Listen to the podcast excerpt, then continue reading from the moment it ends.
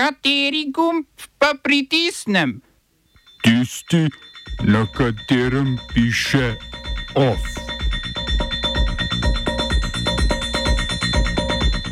Indijsko vrhovno sodišče zavrnilo pobudo za presojo legalizacije porok istospolnih parov.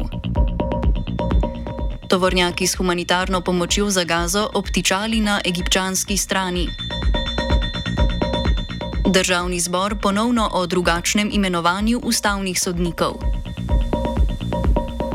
Nekdani nadzorniki Luke Koper začeli vračati neskrbno zapravljen denar.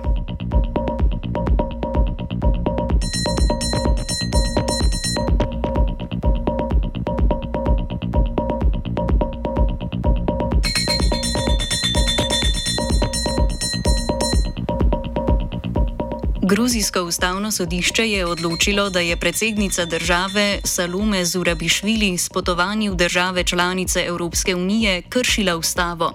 Odločitev je podprlo šest od devetih ustavnih sodnikov.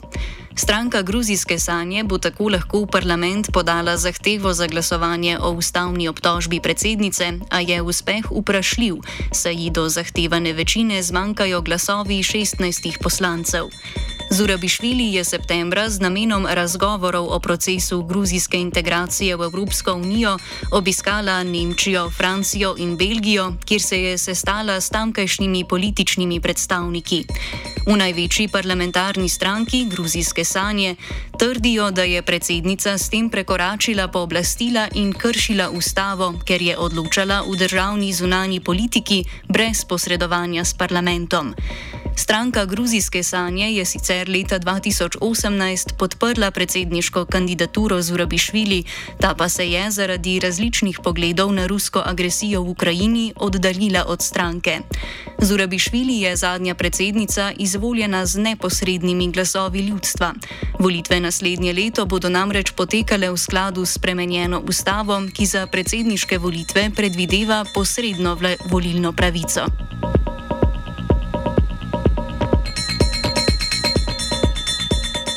Indijsko vrhovno sodišče je zavrnilo pobudo za presojo legalizacije porok istospolnih partnerjev.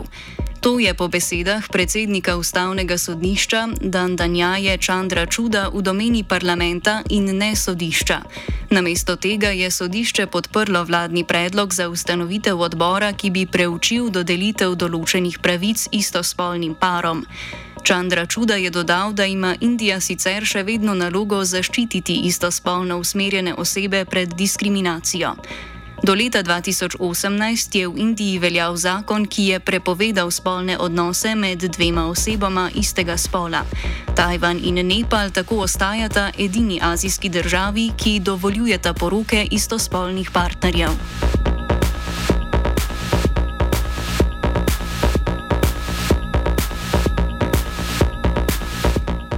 Ameriška zveza za državljanske svoboščine, krajše ACLU, je dosegla poravnavo zvezdno vlado Joeja Bidna glede ločevanja migranskih članov družin. Tožbo je ACLU uložila pred petimi leti, ko je kabinet nekdanjega predsednika Donalda Trumpa sprejel politiko tako imenovane ničelne tolerance na južni meji. Tako so vse imigrante, glede katerih so sumili, da so v državo vstopili po neregularnih poteh, kazensko preganjali. V praksi je zato prišlo do ločevanja otrok migrantov od njihovih staršev. Petih letih je bilo od roditeljev po uradnih podatkih ločenih 2634 otrok. V okviru očkodnine bodo Združene države Amerike zdaj za vse prizadete družine financirale združitev, jim omogočile pridobitev azila in jim pomagale pri pridobitvi dovoljenja za delo ter pri dostopu do stanovanske in pravne pomoči in zdravstvenih storitev. Poravnavo med Združenimi državami in ACLU mora potrditi še Zvezdno sodišče.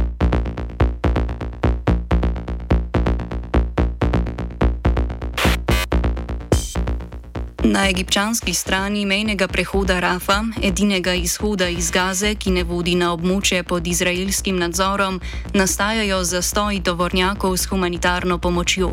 Egipt je mejni prehod zaprl zaradi zračnih napadov izraelskih sil v bližini. Humanitarne organizacije, med drugim tudi Mednarodna zdravstvena organizacija, opozarjajo na katastrofo, ki jo lahko povzroči nadaljne zaprtje mejnega prehoda, saj bi lahko v Gazi kmalo zmanjkalo vode, zdravstvenih pripomočkov in goriva, ki je po izraelskem odklopu dobave elektrike glavni vir električne energije. K odprtju mejnega prehoda tudi za begunce so pred dnevi pozvale tudi Združene države Amerike, medtem ko Egipt temu nasprotuje s trditvijo, da bi to pomenilo oslabitev palestinskega boja za neodvisnost. Jutri se bo na obisku v Izraelu mudil tudi ameriški predsednik Joe Biden.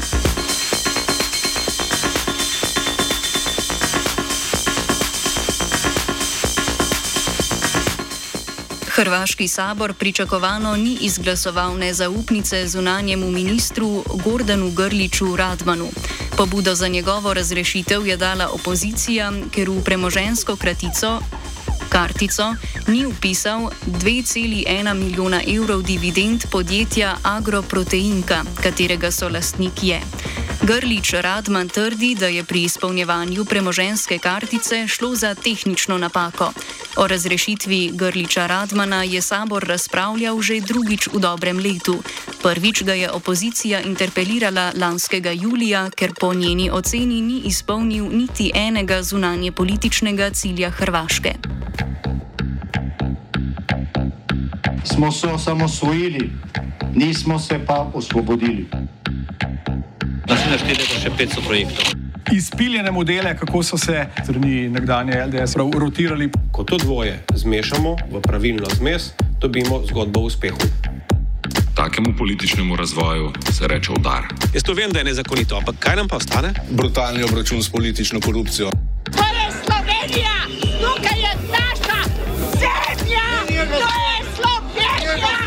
Slovenija, Slovenija.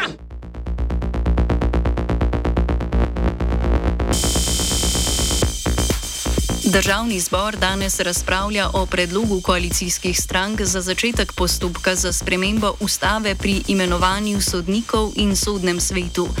Po koalicijskem predlogu sodnikov ne bi več volil državni zbor na predlog sodnega sveta, ampak bi jih imenovala predsednica republike.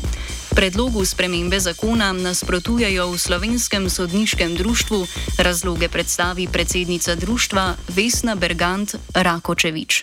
Več različnih zadev je. Ne? Zdaj, eh, sodniško društvo ne nasprotuje samemu predlogu osnovnemu, da bi uh, sodnike po novi ureditvi na mesto, da so voljeni v državnem zboru imenoval na, pre, na predlog sodnega sveta predsednik republike nasprotno. Mi smo dolga leta povdarjali, da je zdajšnja ureditev manj ustrezna, da je unikatna, da ni primerna.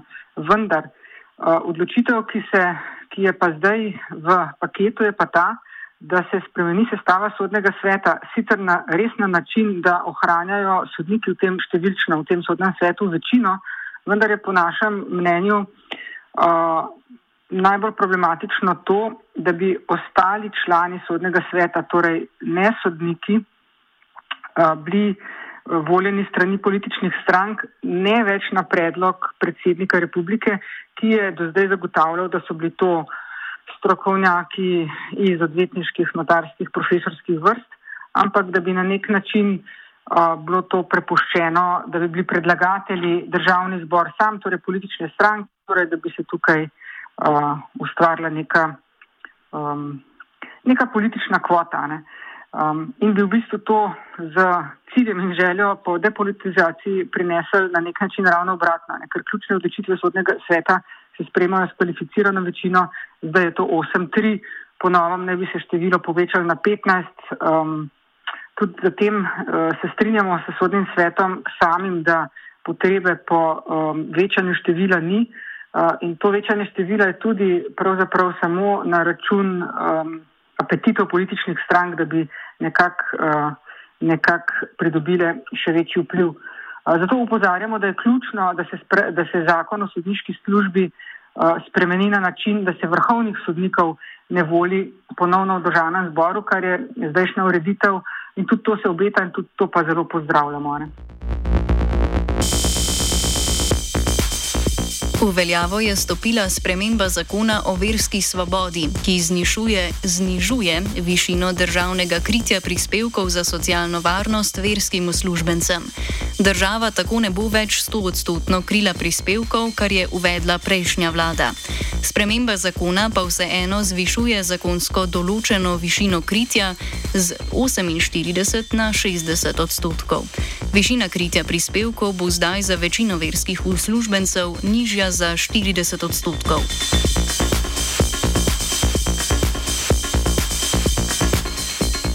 Veljati sta začeli tudi noveli zakonov o visokem šolstvu in o posebnih pravicah manjšin. Novela zakona o visokem šolstvu ureja statusna vprašanja visokošolskih zavodov, pogoje za opravljanje dejavnosti, opredeljuje javno službo in ureja način financiranja. Novela zakona o pravicah italijanske in mačarske manjšine pa bo odslej omogočala izobraževanje v dvojezičnih šolah, ki izvajajo prilagojene in posebne vzgojno-izobraževalne programe tudi otrokom, ki prebivajo izven narodnostno mešanega območja. Avstrija je po šestih mesecih ponovno podaljšala nadzor na meji s Slovenijo. Nadzor na mejah Slovenijo in Mačarsko je Avstrija uvedla leta 2015, podaljšuje pa ga na vsakega pol leta. Nadza, na zadnje je nadzor na meji s sosednjo državo, kako pač spet v strahu pred begunci, Avstrija vzpostavila sredi septembra na meji z Italijo. To je tudi eden od razlogov, zakaj je italijanska vlada včeraj na sodišče Evropske unije uložila tožbo proti Avstriji zaradi nespoštovanja uredbe o prostem pretoku blaga. Luka Koper je sprožila izvršbe plačila odškodnine proti nekdanjim nadzornikom.